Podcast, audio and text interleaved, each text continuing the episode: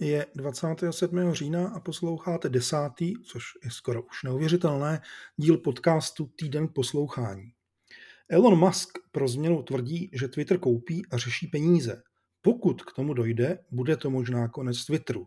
Chce totiž například vyhodit až 70% zaměstnanců, zrušit moderátory, umožnit absolutní svobodu a má vůbec velmi své rázné představy o tom, jak Twitter funguje. Ale tomu se vlastně dnes věnovat nechci. Chci se věnovat čerstvé informaci, že Twitter přichází o nejvíce aktivní uživatele a zásadně se snížil zájem o módu a celebrity. Podle toho to vypadá, že vlastně Twitter má nějakou novou krizi. Vychází to z interního materiálu, studie, která se dostala na veřejnost Eh, která říká například, že 10% uživatelů Twitteru jsou takzvaní heavy tweeters, to znamená ti, kteří prostě strašně tweetují. To bych asi mohl teoreticky být já, nebo třeba Miloš Čermák. A tito uživatelé přinášejí Twitteru až polovinu příjmu. Představte si, že by Twitter konečně umožnil reklamu v Česku a ve spoustě dalších zemí, jak by to bylo pro něj prospěšné a kolik peněz už dávno mohl mít. Ale to nevadí. Tahle ta informace je docela zajímavá. Je zajímavá i ve spojení s tím, že nejvíce aktivní uživatelé, tihleti heavy tweeters, jsou na ústupu, silném. A začalo to někdy v době, kdy přišel koronavirus, to znamená před dvěma lety. Jak to spolu souvisí, není vůbec jasné, možná ano, možná ne, ale ještě jedna zajímavá informace k těmto lidem je, že podle Twitteru je heavy tweeter člověk, který se přihlašuje víceméně denně, respektive 6 až 7 krát týdně a tweetuje 3 až 4 tweety, teď se podržte, nikoli v denně, ale týdně. Já si myslím, že heavy tweeter by měl být člověk, který tweetuje minimálně ty čtyři tweety denně. Ale budiš, to jsem já, Otázka je, jestli to nejsou prostě ultra heavy tweeters, lidé jako já a Miloš Čermák. No, ale dobře, tři a čtyři tweety týdně. Pro Twitter tohle to znamená, že vlastně, když mu odcházejí lidé, kteří Twitter aktivně plní obsahem, protože každá ze sociálních sítí žije z toho, že ji někdo plní obsahem, tak se snižuje počet tweetů, počet nebo objem obsahu, který někdo může číst a logicky pokud tito lidé jsou za polovinou příjmů, to vede k tomu, že ta polovina se zmenšuje. A ten zbytek lidí, kteří tweetují ještě méně, tak vlastně to nestačí nahradit. A Twitteru hrozí, že bude mít méně peněz, mimo to, že mu nerostou uživatelé a má spoustu dalších problémů.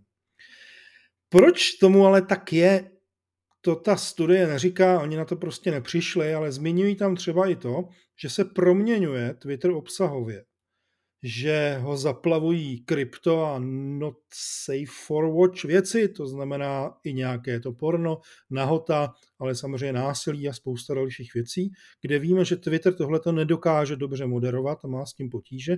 A tohleto všechno vytlačuje zpravodajství, to je to, co já Twitter miluju, protože Twitter je eh, jedinečná záležitost, co se týče zpravodajství zpráv a novinářů. Sport, ten já nepotřebuju, ale víme, že spousta lidí sport miluje a tím pádem Twitter i do sportu šlape.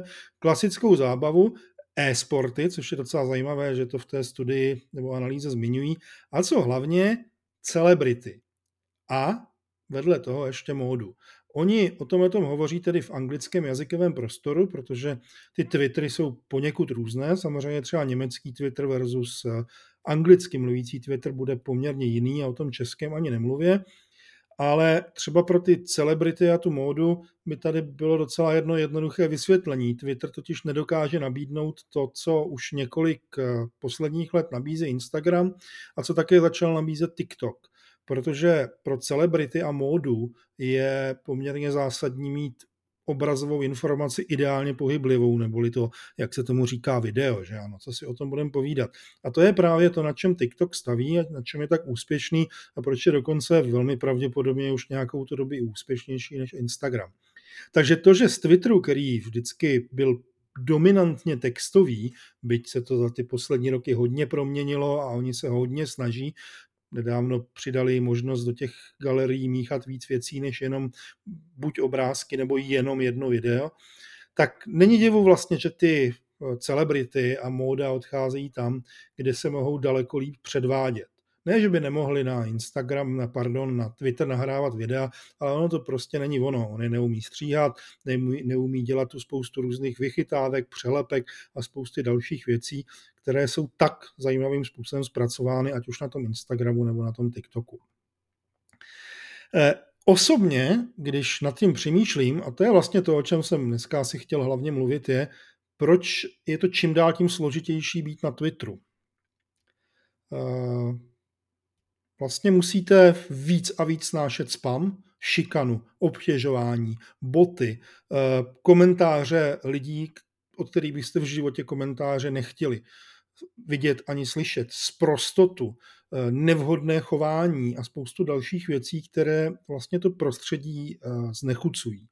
Vy, když to budete nahlašovat, a dokonce i když budete nahlašovat úplně ty nejhorší podvody, okrádačky, fake news, dezinformace, hanobení všeho možného i nemožného, tak to sice nahlásíte, sice se občas stane něco víc, než když tohle to děláte na Facebooku, ale v majoritní množině případů se nestane vůbec nic. Oni vám dokonce občas napíší, že ano, ten účet porušuje pravidla Twitteru a vy se teda jdete podívat, jestli ten účet ještě existuje. A ten účet dál spokojeně existuje, spokojeně tam dělá všechny ty ale absolutně hrozné věci, pro které se vůbec vyplatí ho nahlásit, protože Twitter klasicky jako všechny sítě udělal to, že ten nahlašovací proces udělal čím dál tím složitější, nepřehlednější a otravnější, protože on vlastně nechce, abyste ho obtěžovali nějakým eh, nahlašováním. Tohle to všechno vlastně eh, s poměrně obtížnou a neustálou potřebou odfiltrovávat a dávat na stlumit, mute nebo blokovat ty účty, které prostě nechcete mít ve svém digitálním eh, nejbližším okolí, z toho dělá velice otravnou zkušenost. A čím déle to trvá, tak samozřejmě tím větší je ta chuť o tam někam odejít. Ruku v ruce s tím i to, že pokud děláte jakoukoliv sociální sítě, tady v je to Twitter, proto, abyste měli nějaký dosah, abyste dokázali mluvit na nějakou množinu lidí, abyste s těmi lidmi i mohli komunikovat, protože eh, ono je to docela fajn, to, co tam zveřejňujete, na to mít zpětnou vazbu a mít možnost se s těma lidma normálně bavit a ne samozřejmě, když vás tam jenom neustále trolí, což je dneska ta nejčastější činnost napříč celým Twitterem, tak tohleto eh, ještě dopadá na to další neblahá věc a to je stále se snižující dosah. Twitter sice nemá tak masivně a špatně udělaný algoritmus, který vede jenom k tomu, že nikoho neukazuje jako Facebook, ale i tady ten algoritmus je a ta neustálá snaha předělat tu původní chronologickou timelineu na algoritmickou samozřejmě vede k tomu, že on ukazuje něco, co vlastně vy nechápete, proč by to měl ukazovat. Asi jako když úplně novým prázdným účtům deno, denně dvakrát minimálně e-mailem pošle ten nejlepší výběr z, a hádejte čeho, českých dezinformačních účtů. Pokud byste náhodou na Twitteru chtěli opravdu seriózně fungovat, tak ve většině zemí, a Česko do toho patří taky, stále nelze kupovat reklamu. E, I na tom odpuštěným bláznivém TikToku z Číny prostě si naklikáte a okamžitě pomocí platební karty zaplatíte reklamu a můžete e, tam dělat marketing, můžete se šířit, můžete dělat psí kusy, ale tady prostě nemůžete, protože oni vám na to řeknou, že neumí česky. Takže ano, omlouvám se, můžete tam mít reklamu, ale pouze v angličtině. No a pak samozřejmě budete neustále zápasy se stále se zhoršujícím rozhraním a neustálými hloupými nápady a neexistující možností editovat tweety, protože to je evergreen posledních asi deseti nebo kolika let. Ale Twitter je vlastně vynikající v tom, že vymýšlí funkčnosti, které ve skutečnosti nikdo nepotřebuje, což je věc, která také přispívá k tomu, že vlastně máte čím dál tím menší chuť tam existovat. No a ta úplně poslední věc, na kterou se asi vyplatí, o které se asi vyplatí zmínit, je, že ona panuje taková nějaká všeobecná a stále se zvětšující únava ze sociálních sítí obecně.